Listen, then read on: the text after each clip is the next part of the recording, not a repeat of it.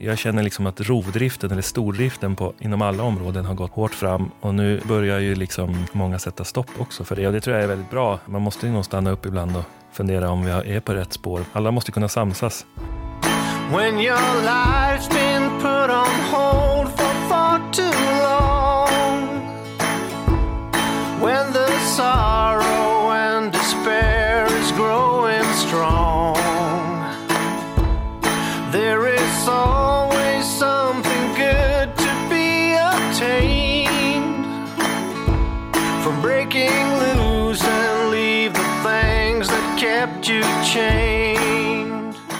Att hitta sin egen väg och sin passion i livet, det är inte alltid det enklaste. Och för en del av oss så tar det ganska många blindspår och omvägar innan vi hamnar där. Men så finns det några som verkar ha den där starka inre kompassen redan som barn. Dagens gäst verkar vara en av dem.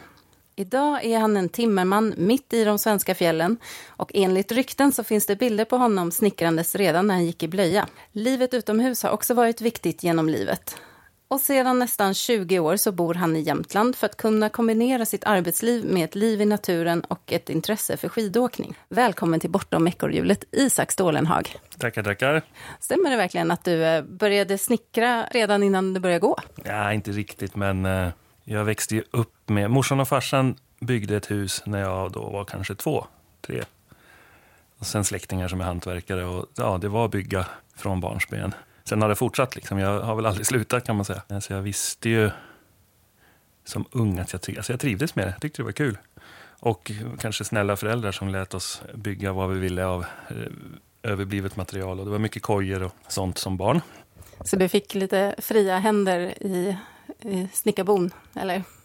Ja, så kan man verkligen säga. Det fanns, eh, jag minns att det fanns liksom två stora högar bakom huset. Den ena fick man ta av och, in, och en fick vi inte ta, för det var till husbygget. Så, så vi byggde en stor träkoja tillsammans med kusin, mina kusiner som också bodde på samma tomt kan man säga, i Sundbyberg. Ni klarade er från att, eller ni kunde hålla er från den fina högen?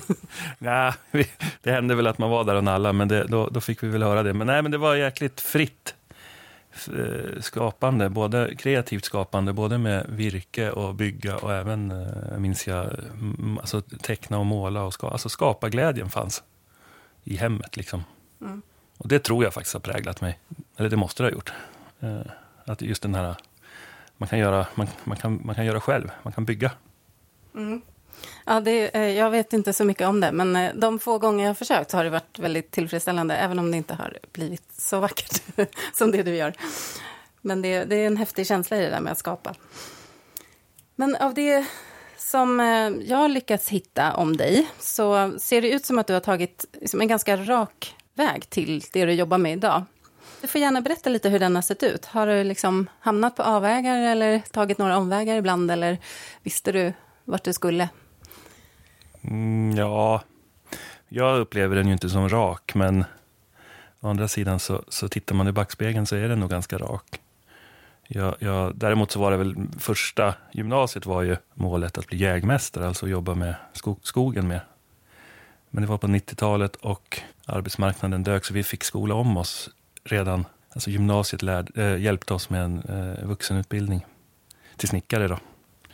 Så då, det blev liksom, jag halkade tillbaks, för jag hade tänkt att jag skulle bli något annat än hantverkare, men eh, ödet ville annorlunda, kan man väl säga. Sen eh, hade jag väl liksom också lite förhoppningar om det här med skidåkningen och att man skulle kanske på något sätt jobba mer med det. Och det har jag gjort eh, tio år, kan man väl, eller tio vintrar i varje fall, med allt som rör lift och pist. Men, men det är ju som sagt det är ju inget helårsjobb, så att det blev det så att Egentligen så kan man väl säga att det var när jag blev pappa eh, när jag blev förälder, att då slutade jag åka iväg vintersäsongen och jobba mm. med skidåkningen. Så det var, och det är tio år sedan nu, som jag har hållit mig i skinnet. Men varje gång snön kommer, alltså varje höst, så rycker det i skidåkartarmen och man har mm. väskan halvt packad för att sticka. Det, det, där kommer nog följa med hela livet tror jag. Och nu har du ju i alla fall närmare till det då, man ska säga. Du, du kan sticka iväg utan att vara borta jättelänge hemifrån kanske. Ja, nu, nu sen, ja, det är också tio år som vi har bott i Offerdal. Som ligger, ja, det gör ju att vi har 30 minuter kan man säga, i bilen till att gå på topptur. Så nu, de sista åren så har jag tagit upp skidåkningen igen, men jag sticker på topptur så fort jag kan. Eh, vilket inte är så ofta som man vill då, med tanke på antal barn, men det är viktigt ändå att smita iväg ibland och få den där uh, återhämtningen i naturen och att få lite lugn och ro från allt annat. Skidåkningen ger ju det, den ger uh, man kan liksom inte tänka på så mycket annat än där, vara, vara i nuet. Så att, nej, det är viktigt för mig. Men eh, så då du hade en liten avstickare i, som säsonger alltså, man ska säga. Men under, här uppe, så när man, många som jobbar med säsong behöver ju ha andra jobb också. Eh, resten av året sådär. Hade, jobbade du parallellt som snickare eller inom bygg? Eller hur, mm. hur försörjde du dig andra delar av året? Ja, jag har väl gjort lite bakvänt kan man säga, för att jag har bott i Åre, eller jag har bott i Duve då, och sen säsongat i Björkliden och det området, mm. Riksgränsen Abisko. Så jag har ju åkt från Åre för att göra vintersäsong på ett annat ställe. För att där har vi tre, där öppettiderna är tre månader. Alltså man åkte ofta upp i januari och hem i april. Och då har man som stökat av all skidåkning. Sen börjar man snickra igen i maj. Och det har varit en väldigt skön, eh, det är en väldigt trevlig liksom, vad ska man säga, årscykel att, att snickra och bygga där i januari, februari, mars. Det är inte så trevligt jämfört med resten av året. Och då är det bättre att bryta och göra något helt annat. Det är väl ganska många i Åre som gör det, som jobbar kanske eh, säsong då. Så är de hantverkare på sommaren.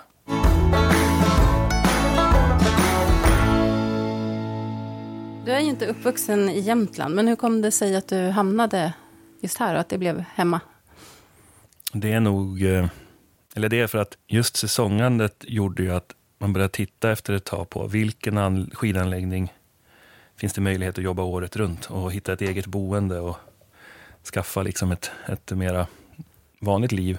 Ja, men runt 2004, 2005 där, då, då börjar man liksom förstå att det är bara Åre som har kommit så långt att det finns en hel, att man ens kan liksom skaffa ett boende eller ha ett helårsjobb. Då, då hamnar ju, först hamnade jag, för mig var det så att mina kompisar flyttade hit före mig. Och så var det väl de som sa att, ja men kom hit för här finns det jobb liksom. Och hus, eller lägenhet. Och, och då, då var inte valet så... Det gjorde sig självt så att säga. Det var väl inte liksom högsta önskan kanske att hamna i Åre, men man vill ju också ha ett liv där ekonomin går ihop på slutet så att säga. Annars är man lite livegen nästan.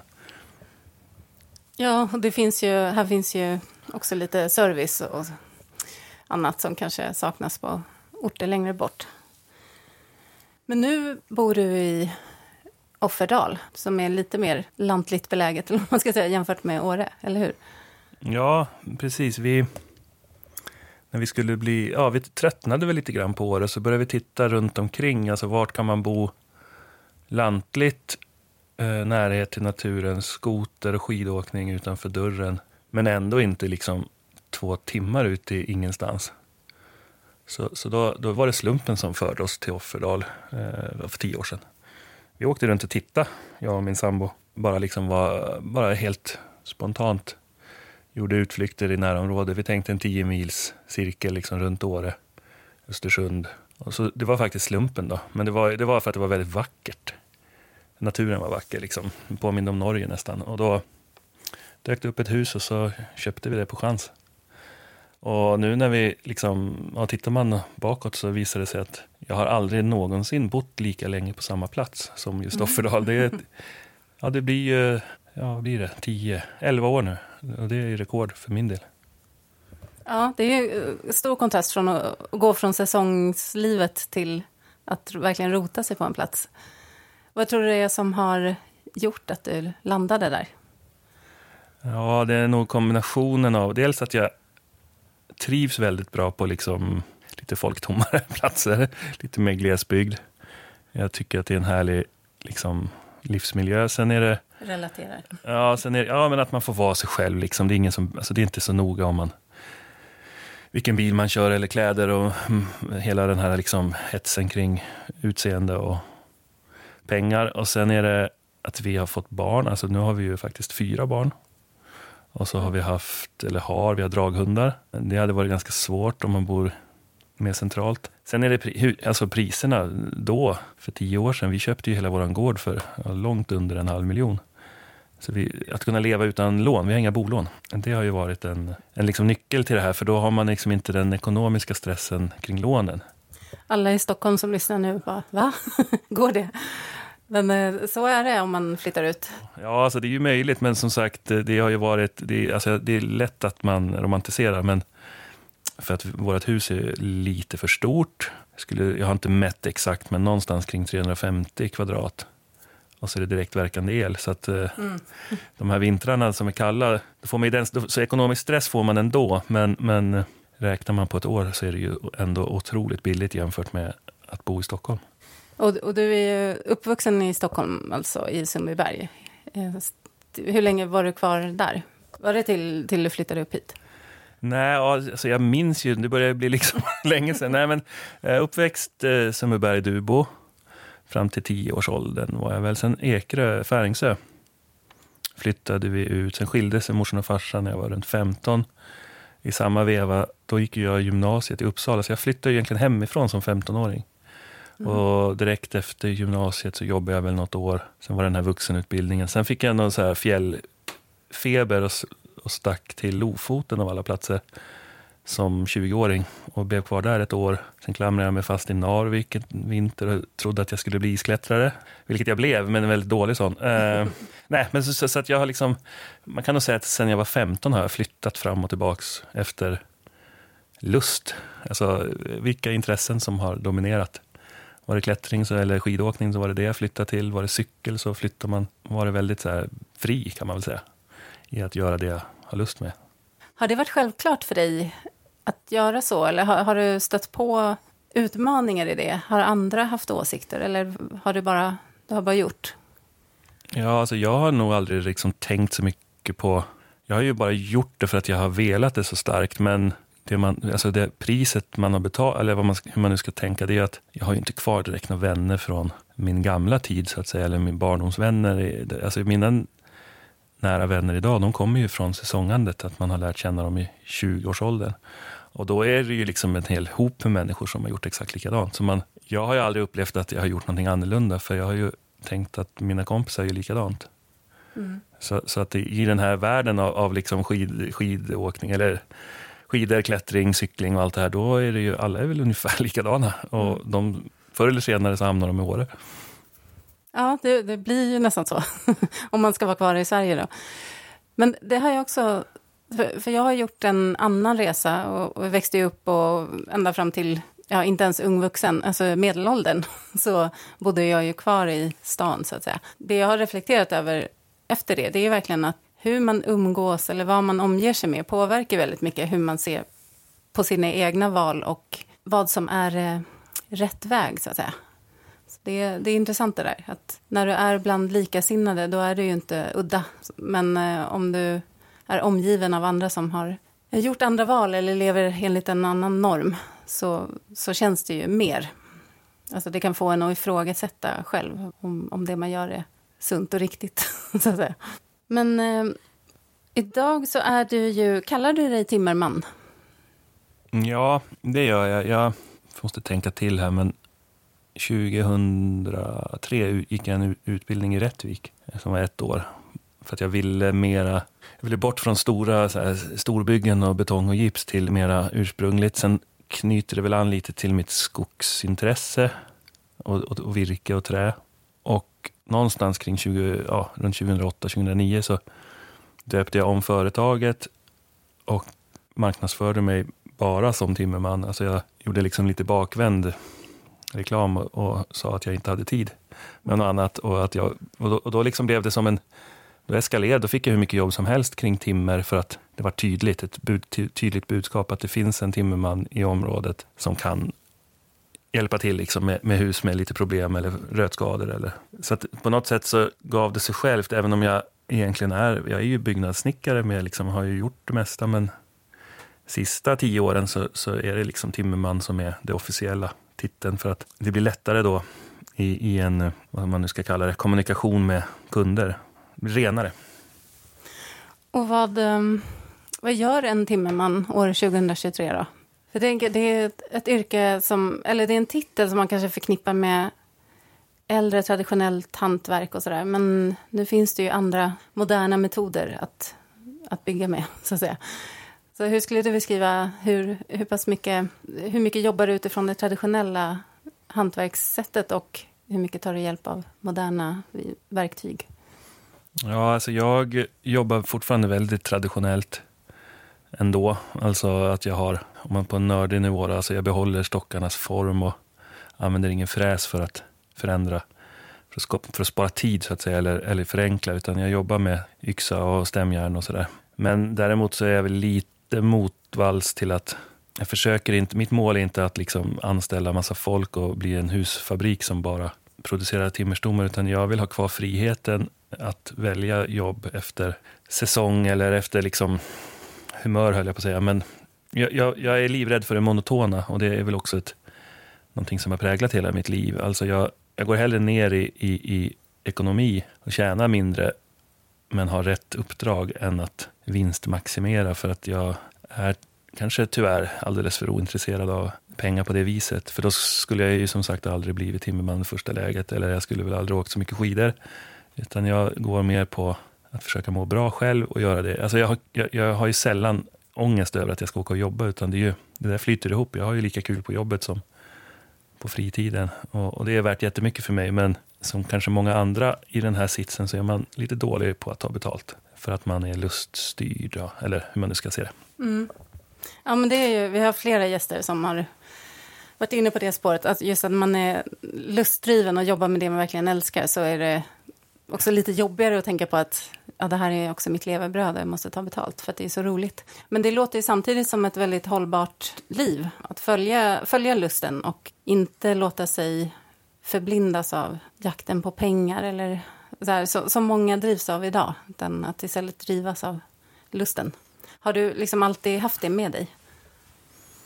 Ja, alltså jag har väl, ja, man kan väl vara hård det har väl aldrig varit bra med pengar. Eller det har ju som aldrig styrt. Så, då, så länge man har så man klarar sig. Så jag behöver inte pengarna för att ha, har jag kul och mår bra, då spelar inte ekonomin någon större roll. Sen är det klart att med en stark ekonomi eller med bra, mycket pengar skulle leda till mer frihet. Men jag tänkte faktiskt, jag pratade med en kompis om det här om dagen. Om man säger att om jag skulle få 100, om vi säger 100 miljoner bara insatt på kontot. Det som skulle hända för mig då är att jag förmodligen skulle jobba ihjäl mig. Då skulle jag starta så många projekt hemma att jag inte har några pengar kvar och jag har diskbråck och brutna fingrar. Alltså, jag har ingen stopp där, utan för mig handlar det mer om en månad i taget och liksom, jag sätter upp andra mål i livet. Så här, jag, nu har jag bestämt mig för att innan jag är 50 ska jag ha liksom åkt vissa skid.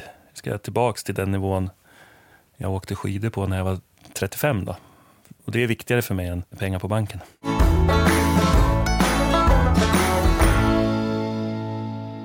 Ja, nu blir jag nyfiken här. Dels på vad, vad är det för projekt du skulle dra igång? vad har du för drömmar kring det?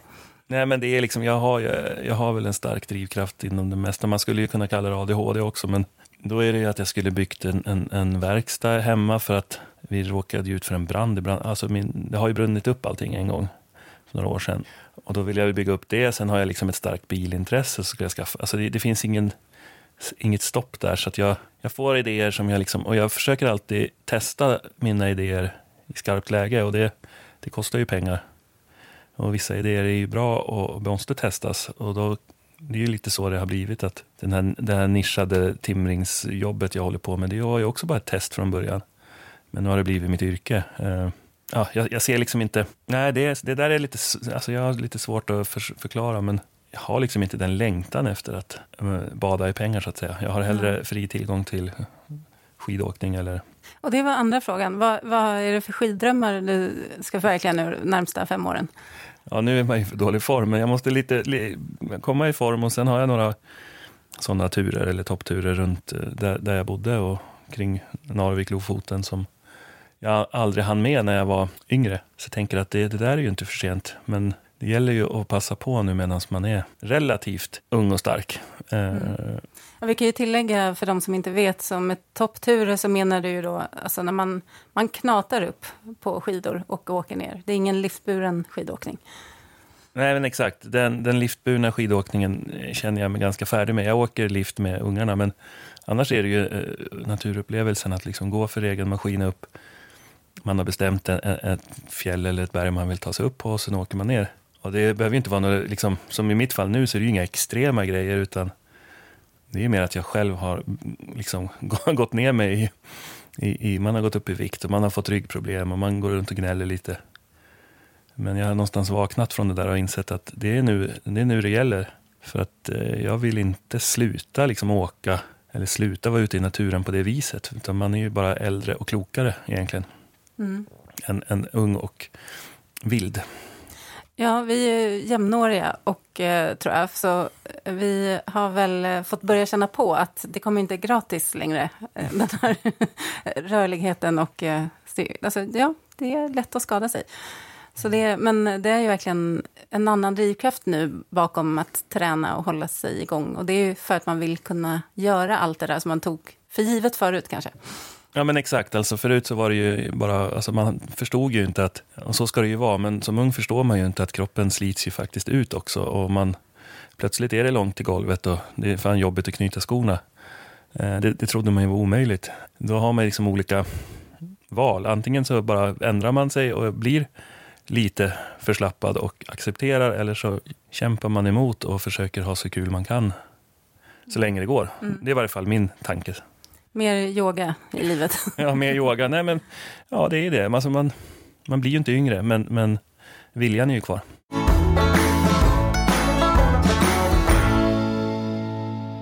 Apropå det, för du har ju ett ganska fysiskt jobb eh, och bygger mycket för hand. Och de, de som har sett timmerhuset, det är inga lätta stockar. Och, det är liksom inga färdiga byggelement som kommer och sätts ihop. Är det det du gör, att du bygger timmerhus från scratch? Eller gör du också på det här jobbet är det ju mer och renoverar ett gammalt timmerhus till exempel. Jajamän, ja, nej, men jag gör båda delarna och jag försöker bygga en ny stomme varje år. En ny, ny produktion så att säga, lite mindre. Och sen fyller jag ut resten av året med renoveringar. Alltså det kan vara, jag jobbar egentligen bara med hus med, med liksom problem där du har sättningar, fuktskador eller... Och då gör jag de bitarna som är timmerrelaterade, alltså bottenstockar som har ruttnat eller det kan vara ett hus som har sjunkit ner i lera. Då gör jag den biten, sen får andra hantverkare ta insidan. Och, och det är lite för att liksom eh, hålla det lite enkelt och inte dra på sig för stora projekt som tar för lång tid och för mycket energi. Så inga ytskikt och sådär, utan det är, det är stommen du jobbar med? Ja, precis. Det har blivit så. Jag, jag kan väl liksom i enstaka fall gå, göra lite snickerijobb, men samtidigt så vill jag gärna spara de liksom, timmarna till mig själv, för vi har ju vårt eget hus som också är renovering. Så att jag, det är ju en medveten, jag är ju medveten om att man kan tröttna på saker. Så att jag har väl varit lite för nära gränsen där några gånger med att liksom snickra på jobbet, snickra på kvällarna, snickra på helgerna. Det, man, man, tröttnar ju till sist. Mm. Eh, så att jag har försökt bromsa och vara lite observant på liksom kroppen och hjärnans signaler kring, ja, nu får du liksom lugna ner den. Ta bort en del saker bara för att inte tröttna på dem. Har du några sådana regler för dig själv? Till exempel om har du semester och är du helt byggfri då, så att säga? Ja, lite grann. Det blir ju så nu, särskilt med barnen, att man, alltså man kan ju inte, man måste ju vara med sina egna, alltså, kan ju inte alltid bara stå och snickra, det, är ju, det vore ju korkat. Eh, så det gör jag inte och det vill jag ju inte heller, men, men samtidigt så är det ju behov. Alltså, är det någonting med huset, eller vi har ju torp också, som vi, så vi har ju några hus att ta hand om. Så att, ja, det är lite balansgång där, men, men eh, semester är också en sån där grej som jag egentligen aldrig har haft, höll jag på att säga. Jag har väl haft totalt sett på 20 år kanske två, tre månader.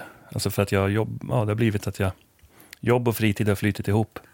Och som egenföretagare så är det inte alldeles självklart alltid jag har råd med längre i, liksom semestrar i ett... Nu låter det som att jag liksom aldrig är ledig. Det, det är ju tvärtom, jag har ju ganska mycket fritid men aldrig... Jag har aldrig haft en industrisemester om man säger så.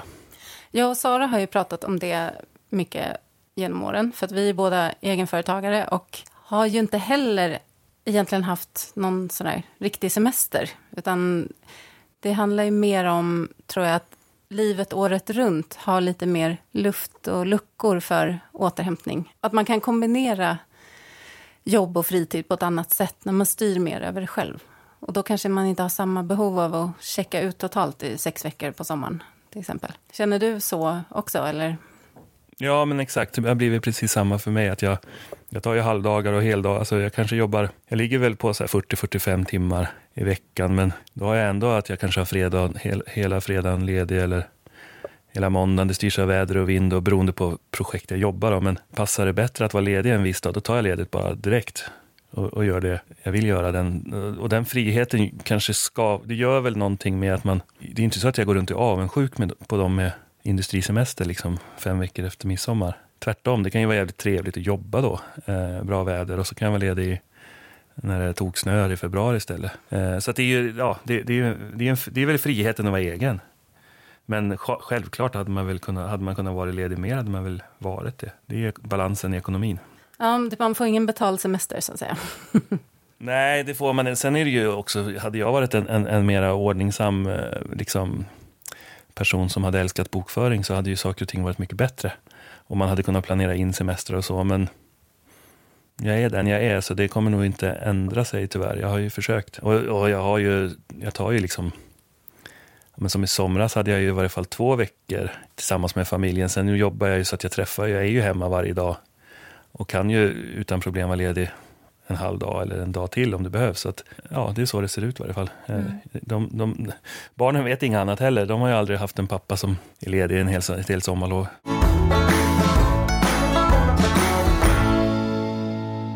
Vad ska jag säga med ditt jobb då idag? Vad är liksom utmaningarna och baksidorna med, med det jobbet? Mm. Är det det fysiska eller? Alltså, ja, det där är lite lurigt. Just idag är jag väl på ett humör som är kanske mera, jag vet inte om man... Men jag, jag skulle nog säga, jag tror att andra företagare eller hantverkare kommer att hålla med. För att det som har hänt sista åren är att det är tuffare ekonomiskt klimat. Alltså, eh, man brukar lite skämtsamt kalla det för Lidingöavdraget. Det är att som hantverkare idag så gör, går in i ett projekt och kanske jobbar i två månader så blir det ofta så att kunden bestrider sista fakturan. Och så att det är system.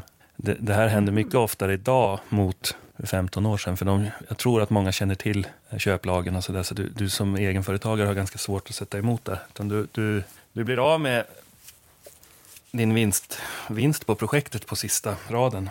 Det, det låter ju helt fruktansvärt. Ja, det är en utmaning och det är som sagt det är, det är många som hamnar där. Och, och det här blir vanligare och vanligare. Uh, och vi som är små och egna, vi kan ju inte ta, ta det till tingsrätt för det har vi inte råd med. Och man har heller inte ork och energi att driva målen. Nej, man samtidigt ska jobba. Och, och så ska du jobba och så här. Så det, det, där har blivit tuffare. Det är en utmaning tycker jag. Man, även om man har en eh, fast pris och offert och hela allting är frid och fröjd så kan, så kan man bestrida. Och då hamnar det direkt i en tvist. Så det där kan vara lite tufft. Sen, annars så känner jag väl att yrket som sådant, eller liksom den här delen av byggbranschen, är, det är en framtids... Framtiden ser ljus ut för de yngre. För att det handlar ju mycket om miljö och klimat och hållbarhet. Och då är det trä och massiva, massiva trähus. Det behöver inte vara liksom hantverkstimmer, utan det kan också vara det som kallas KL-trä eller massivträ. Det kommer bara bli mer av det och då behövs då behövs sådana som jag som kan hantera det. Alltså det, det är en egen, du, du, utbildas inte till det på bygggymnasiet utan du får nog gå till timmermännen som har erfarenhet och maskiner för. Och där kommer inte AI ha lika lätt att komma in och ersätta, tänker jag. Nej, det, det, där, det dröjer ett tag. Vi har ju redan, alltså man, det finns ju maskin, alltså det finns ju CNC-maskiner som kan fräsa fram och göra de här stommarna. Så vid själva tillverkningen så kan det nog ersättas av robotar, men inte renoveringarna. För att eh, vårt klimat gör att de kommer alltid få skador, eller det får ju alla hus. Men, mm. men renoveringarna kommer ju vara, kräva väldigt mycket personal i framtiden. Ju flera massivträhus som byggs. Mm. Och jag ser nog att det kommer kanske gå fortare än vad man tror. Med, alltså de första här, nu är det lite så här guldgrävarläge på massivträhus. Eh, jag är lite skeptisk till att de kommer stå emot så bra. Så då, då, kommer, då kommer det finnas mycket jobb att renovera dem. Om mm. 20 år då. Ja, särskilt om man isolerar på fel sätt och har plast och grejer och sånt då, eller? Ja, men exakt. Och, och dels hur man, hur man det, det, blir som en ny, det blir en kulturkrock igen då kring i byggandet, att man ska plasta in och man ska isolera. För att eh, Boverkets regler kring, kring eh, isolering och energideklaration gör att man eh, kanske överisolerar och får kondensproblem. Sen är ju också massivträstommarna ihoplimmade med ett lim. Och där är jag lite, jag personligen är lite skeptisk till att det där limmet kommer åldras med värdighet. Mm. Till skillnad från oss. Exakt. Vad är det du älskar mest med, med ditt jobb? Ja, det är nog svårt att svara på. Men det är, ja, det är inte alls svårt, för, det, för mig är det mer ett eh, konstnärligt uttryck. Alltså, jag får ju forma fram ett hus med mina händer, alltså hugga och såga och, och, och liksom... Jag är mer en skulptör än en byggare. Och det är väl det jag gillar att... Det är lite tufft i början, det är tunga lyft, det är skitigt och, och så, men plötsligt så vänder det och så börjar det bli ett hus. Och sen liksom får man, får man eh, eh vad ska man säga, leverera till ett, ett, hus till en familj som kommer kunna ha det där i generationer. För att livslängden om allt liksom sköts hyfsat då med tak och hängrännor och så, så är det ju alla gånger 500 år. Mm. Och det är en ganska häftig känsla att veta att det jag byggde kommer stå där i fem, sex generationer. Ja, verkligen. Och jag har följt dig några år på Instagram. Det, det ska vi komma tillbaka till sen. Men det måste ju vara en otrolig tillfredsställelse när man har, för det är ju långa projekt det här. Alltså att bygga ett, timra ett hus från grunden, det gör man ju inte på två arbetsveckor direkt. Det måste vara en otrolig tillfredsställelse att se ett färdigt hus och så här, det här har jag byggt. Jo, men precis. Nej, men det är ju det som är kanske den faktiska belöningen för mig. Uh, när när, när liksom pengarna är slut så huset står ju kvar. Och jag, jag vet ju att det kommer, det kommer ju faktiskt uh, stå där i hundratals år. Och det finns även möjlighet att flytta dem. Timmerhus är ju lite som lego, man kan ju plocka isär det och, och flytta det. Så att det, nej, det, det är häftigt. Mm. Det är det. Vuxen-lego.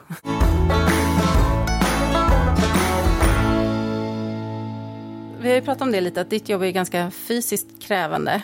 Och som det ser ut för vår generation så kommer vi ju kanske behöva jobba längre än till 65. Har du, har du någon tanke på någon fallback-karriär? Ska du starta timringsutbildning eller vad, hur tänker du kring framtiden? Eller ska du yoga jättemycket? Ja, jag har ju...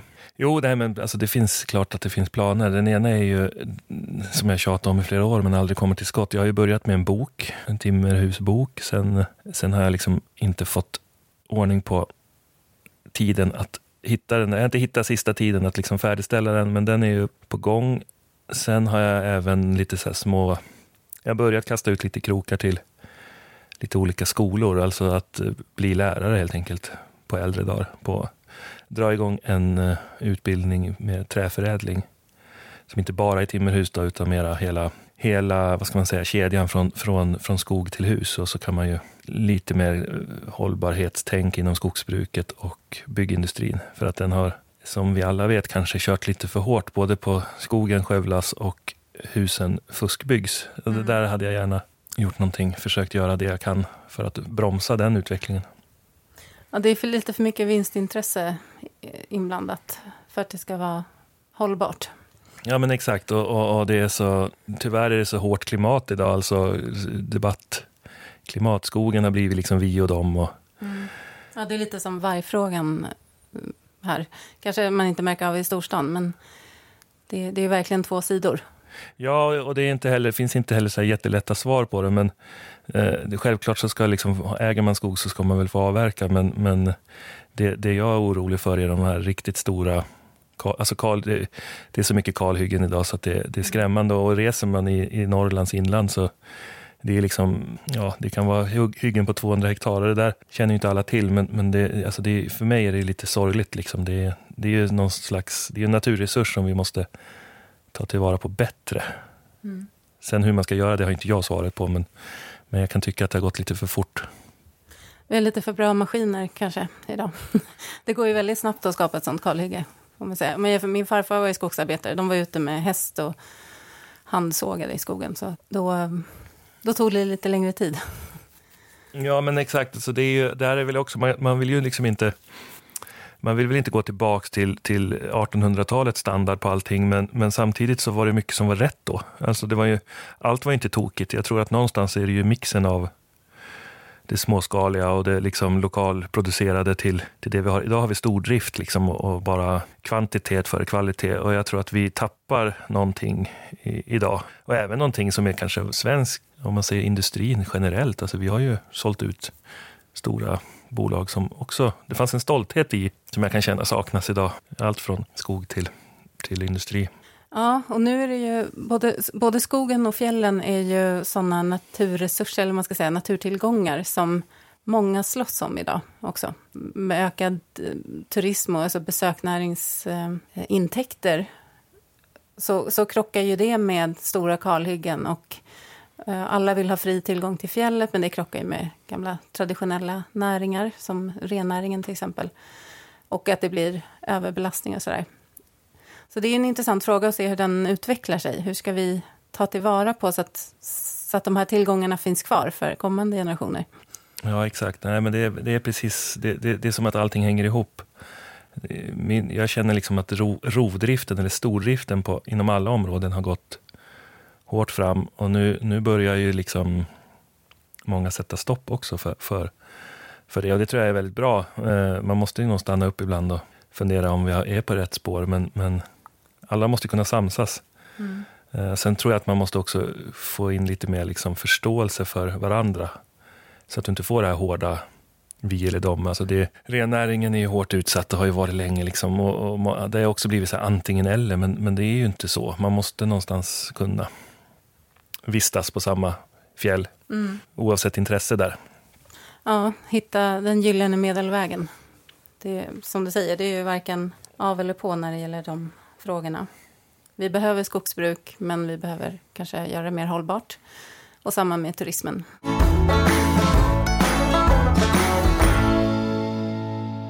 Men eh, för att byta ämne helt, nästan. Mm. Någonting som kanske inte naturligt förknippas med just eh, ditt skrå. Det är ju en stark och välproducerad närvaro online. Men eh, det har ju du. Man skulle kunna kalla dig en hantverksinfluencer, eller en timmerinfluencer. Jag har ju ett eh, stort Instagramkonto med otroligt material. Jag har ju fastnat och följt dig i flera år för att det har givit en sån härlig inblick i en värld som jag inte visste så mycket om. Du är väldigt duktig på foto och film och sådär. Kan du inte berätta mer om det? Hur kommer det sig? Ja, det var väl, eh, jag ska väl inte säga slumpen, för det var det var det inte, men det var en vadslagning med några kompisar när Instagram kom. Alltså, vi var lite sena på bollen, tyckte att det var lite töntigt och så tänkte vi, hur gör man då för att få följare? Man hade väl precis börjat kanske tröttna lite på Facebook då, på den tiden. Och mm. sen, sen har jag i, i, i, ryggen liksom ett fotointresse och ett, eh, några tafatta försök att jobba som fotograf för 25 år sedan. Så jag, jag, har ju liksom, jag vet ju hur man tar en bild. Det, det kan jag ju inte, så är det. Men jag insåg väl väldigt snabbt bara att sociala medier är, precis som med timmermansyrket, du måste vara lite nischad, du måste ha ett lite udda intresse, eller måste och måste, men det är bra att vara nörd och köra sin grej. Min, de som följer mig är ju inte intresserade av liksom, att liksom följa med på krogen, så att säga, utan det är ju, det är ju för att jag har ett udda yrke. Eller det var så jag tänkte i varje fall. Och, ett hantverk. Hantverk, mm. liksom. Och lite så här, så här, kan det gå till bakom, bakom kulisserna. Visa upp lite. Men som sagt, när jag började, då var ju Instagram inte ens... Var, video fanns ju inte, det var inte rörligt, det var ju bara bild. Och då var ju allting, kan man ju säga, lättare. Men idag är det ju svårt att tänka sig liksom Instagram utan. Nu är ju allting nästan film. Mm. Och det var ju en utmaning, men jag, alltså jag gick igång på den utmaningen. Så här, hur ska jag filma? Jag vet ju inte hur man gör. Det är något helt annat än att fota stillbilder. Eh, men, men eh, ja, jag har bara övat och testat. Jag, man, man, man får inte vara så kräsen eller man, man får bara liksom testa sig fram. Och, och, så har jag gjort och jag tycker att det, det är otroligt roligt. Alltså det roliga med Instagram är faktiskt eh, vänner. Alltså man bygger ett nätverk, man får nya vänner, man träffar folk. Jag har ju fått ny, massor av nya liksom, kompisar via Instagram som man har Skriver lite till. Man har, man liksom, andra hantverkare är det väl främst. Då, så har man gjort något jobb tillsammans och sen, sen har man liksom blivit kompisar. Och att man har, det är internationellt också. Jag har liksom danska kompisar och ja, USA, Kanada. Alla som har, är timmermän då, följer ju på något vis varandra. Eller, så att då blir det som att det är ett nätverksbyggande och det är ju det är också en drivkraft. Det är kul att lära känna nytt folk. Jag har väl aldrig liksom att, att jaga följare så att säga, eller att växa. Det, det, det blir ju liksom, man blir lite beroende av det, men det har aldrig varit målet. Och sen något år tillbaka har jag också slutat titta på statistik, för då jag kände att det här kan gå lite överstyr, att man blir lite besatt. Man, mm. man öppnar appen liksom hundra gånger om dagen och tittar och noterar liksom hur många som har tryckt på like. Eller, och då insåg jag bara så här, det här måste jag sluta med, ta bort det bara, det går inte. Jag, det är klart att jag tar fram statistik när det behövs om man ska ha något samarbete med något företag, men annars så tror jag att det sliter för hårt att vara, ha den kollen. Mm. Ja, jo, det är många som pratar om det i, i den branschen, så att säga. Att man blir, man blir ganska eh, knäckt sådär när man tappar följare. Och, ja, man lever lite för mycket efter det. Och då kanske man tappar det genuina också. Jag tänker att det, det kanske inte är meningen, men det måste ju vara en stor försäljningskanal för dig också. Ja, alltså det har väl varit... Nu har jag minskat Eh, sagt, helt enkelt sagt upp en del avtal och dragit ner på det för att eh, skydda mig själv lite. Så, alltså utbrändhets... Mm. Den där väggen har jag ju sprungit igenom. Jag har varit utbränd några gånger och jag vet, jag känner liksom signalerna. Så att jag har dragit ner på det, vilket såklart känns ekonomiskt, men jag mår bättre mentalt. Så det, där, det, det, är, det är en balansgång för att oavsett så är det ju ett jobb. Om jag har ett avtal och ska skapa reklam så är det ju ett uppdrag som alla andra och jag jobbar ju redan heltid med att bygga. Så att någonstans får det ju finnas en gräns hur mycket man hinner med och då har jag försökt att uh, ha några, ha, fli, alltså ha färre samarbetspartners och göra det bättre och kanske jobba mer med foto så att jag inte bara är en influencer så att jag kan också mm. sälja bilder som, jag, som aldrig syns liksom i min kanal. Det har varit min, min, min strategi i varje fall. Ja, det är ju smart. När du... Men jag tänkte, vi, nu är vi här i en timmerstuga idag, som sagt, som vi snällt nog får sitta inne och fika i och prata medan ägaren är ute på promenad. Men vad är det du gör eh, här? Jag tänkte vi kanske ska gå ut och kika lite på det.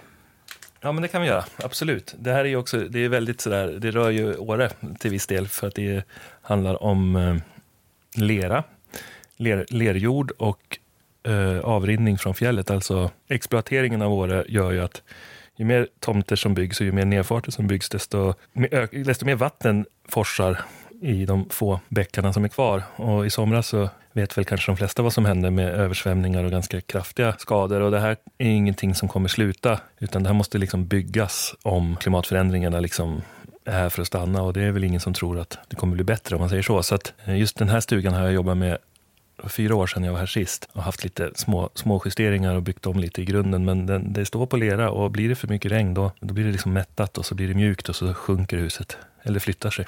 Ja, vi går ut och kikar lite då på vad det är du faktiskt gör här.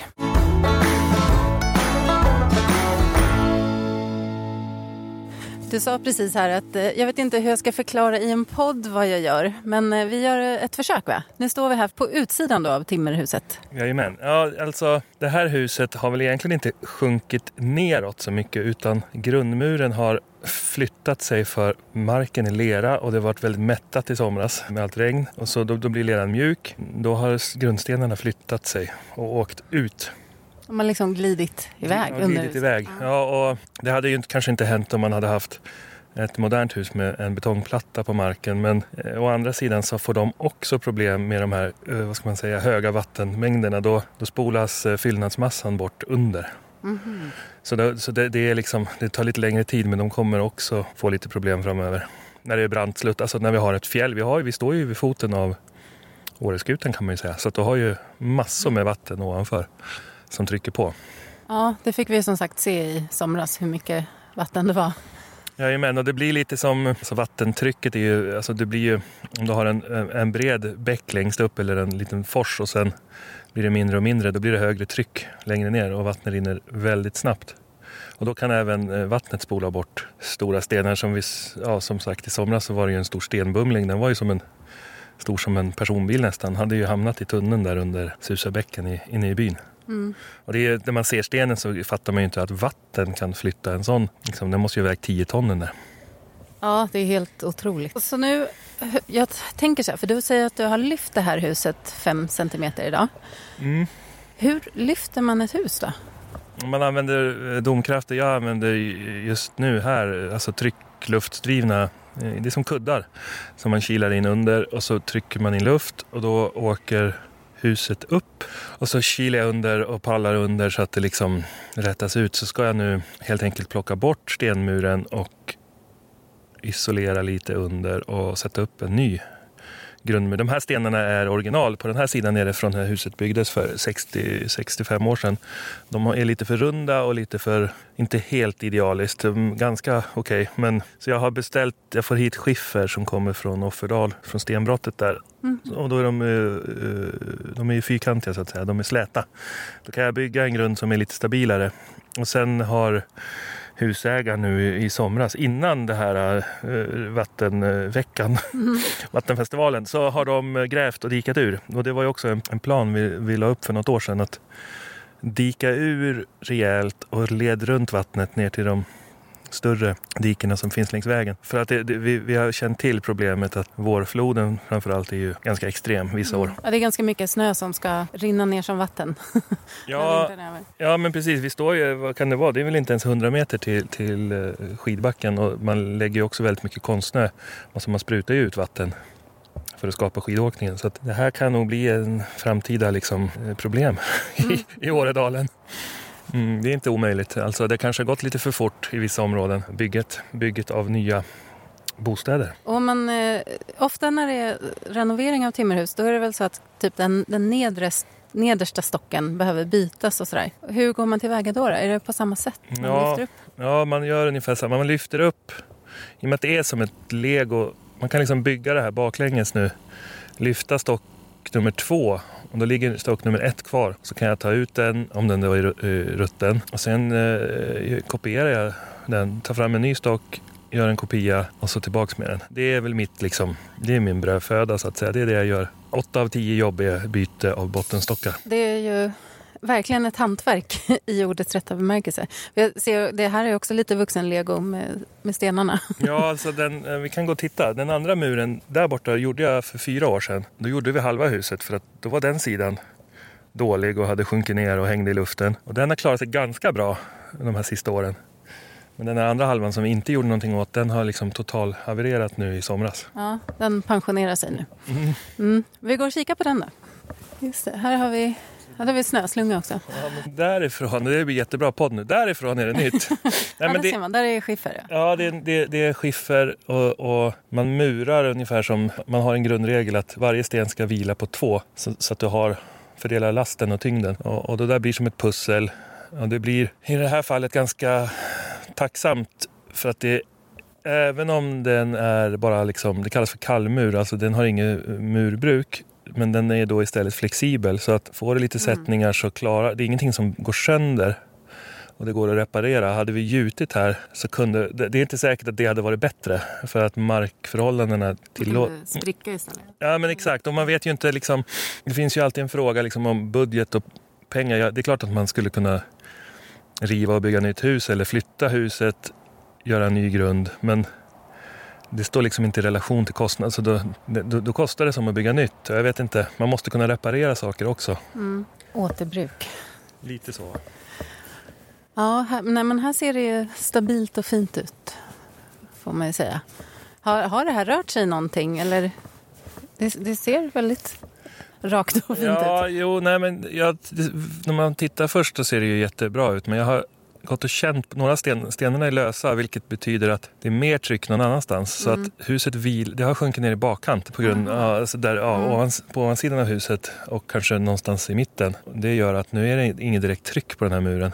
Men den har ju, inte, den har ju klarat vattnet, alltså den har, den har inte kollapsat. Den ser ganska intakt ut. Så jag tror att eh, det här diket som grävdes, är, det är det som har räddat räddat mm. det här huset nu i somras. Vi vet inte vad som hade hänt annars faktiskt.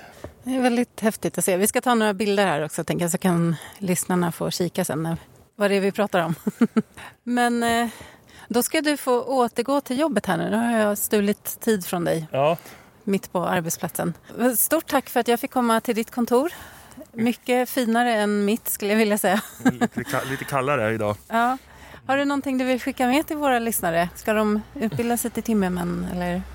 Mm, ja, det tycker jag. Nej, men kanske inte just timmermän, men jag tror att hantverk generellt kommer vara en, det är ett framtidsyrke. Alla hantverk, allting som handlar om att reparera, underhålla och jobba med de resurser som vi redan har. Det tror jag är framtiden. Traditionella hantverksyrken eller ja, det kan ju vara bilmekaniker också för den delen. Vi behöver bli fler som kan fixa grejer.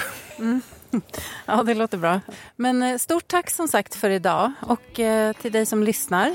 Du får jättegärna gå in i vår Facebookgrupp Bortom veckor och hjulet När, var, hur och skriva vad du tycker om avsnittet om du blir inspirerad till att kanske omskola dig. Och för dig som är nyfiken på Isak och hans arbete så skulle jag verkligen rekommendera att följa honom på Instagram och Youtube. Mm.